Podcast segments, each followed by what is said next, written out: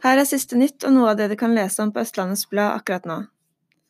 Flere hunder kan ha blitt cannabisforgiftet i en skog ved Myhrvold vest for Kolbotnvannet.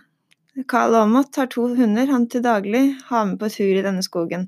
Ved tre anledninger har han opplevd at hunden brått, brått har blitt veldig dårlig og sjanglete. Han sier til Østlandets Blad at veterinæren var ganske sikker på at det skyldtes cannabis. Aamodt mistenker at hundene skal ha fått i seg cannabisen gjennom å spise avføring fra mennesker. Også andre hundeeiere har opplevd tilsvarende i dette området. Det har vært innbrudd i lokalene til en bilforretning ved Nygårdskrysset. Politiet fikk melding om hendelsen fra et vekterfirma natt til onsdag, og ifølge politiet i øst fremkommer gjerningspersoner på overvåkningskamera. Selvåg solgte unna én av tre boliger etter den første visningen på Skifabrikken. Prisen spenner fra nærmere 1,8 til 10 millioner kroner. DNB Eiendom garanterer at din brukte bolig blir solgt innen seks måneder.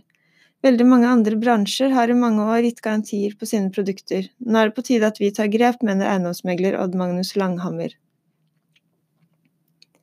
En 56 år gammel mann fra Ås er dømt til fengsel i to år for ulovlig oppbevaring av 11,6 kilo hasj, og for å ha hatt en halv million kroner som var utbytte av straffbare handlinger. Les mer om saken på øbe.no.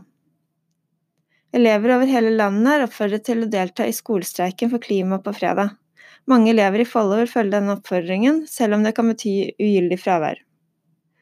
Du kan også lese om pendlerne fra Sonsveien stasjon som reagerer på parkeringsbøter, og russen i Follo som har samlet inn en formidabel sum til krafttak mot kreft. Feil på en sporveksel har ført, til problemer for vestre linje på Østfoldbanen onsdag morgen. Se siste oppdatering på øbe.no. Husk også at du kan få full tilgang til vårt digitaltilbud i fem uker for fem kroner.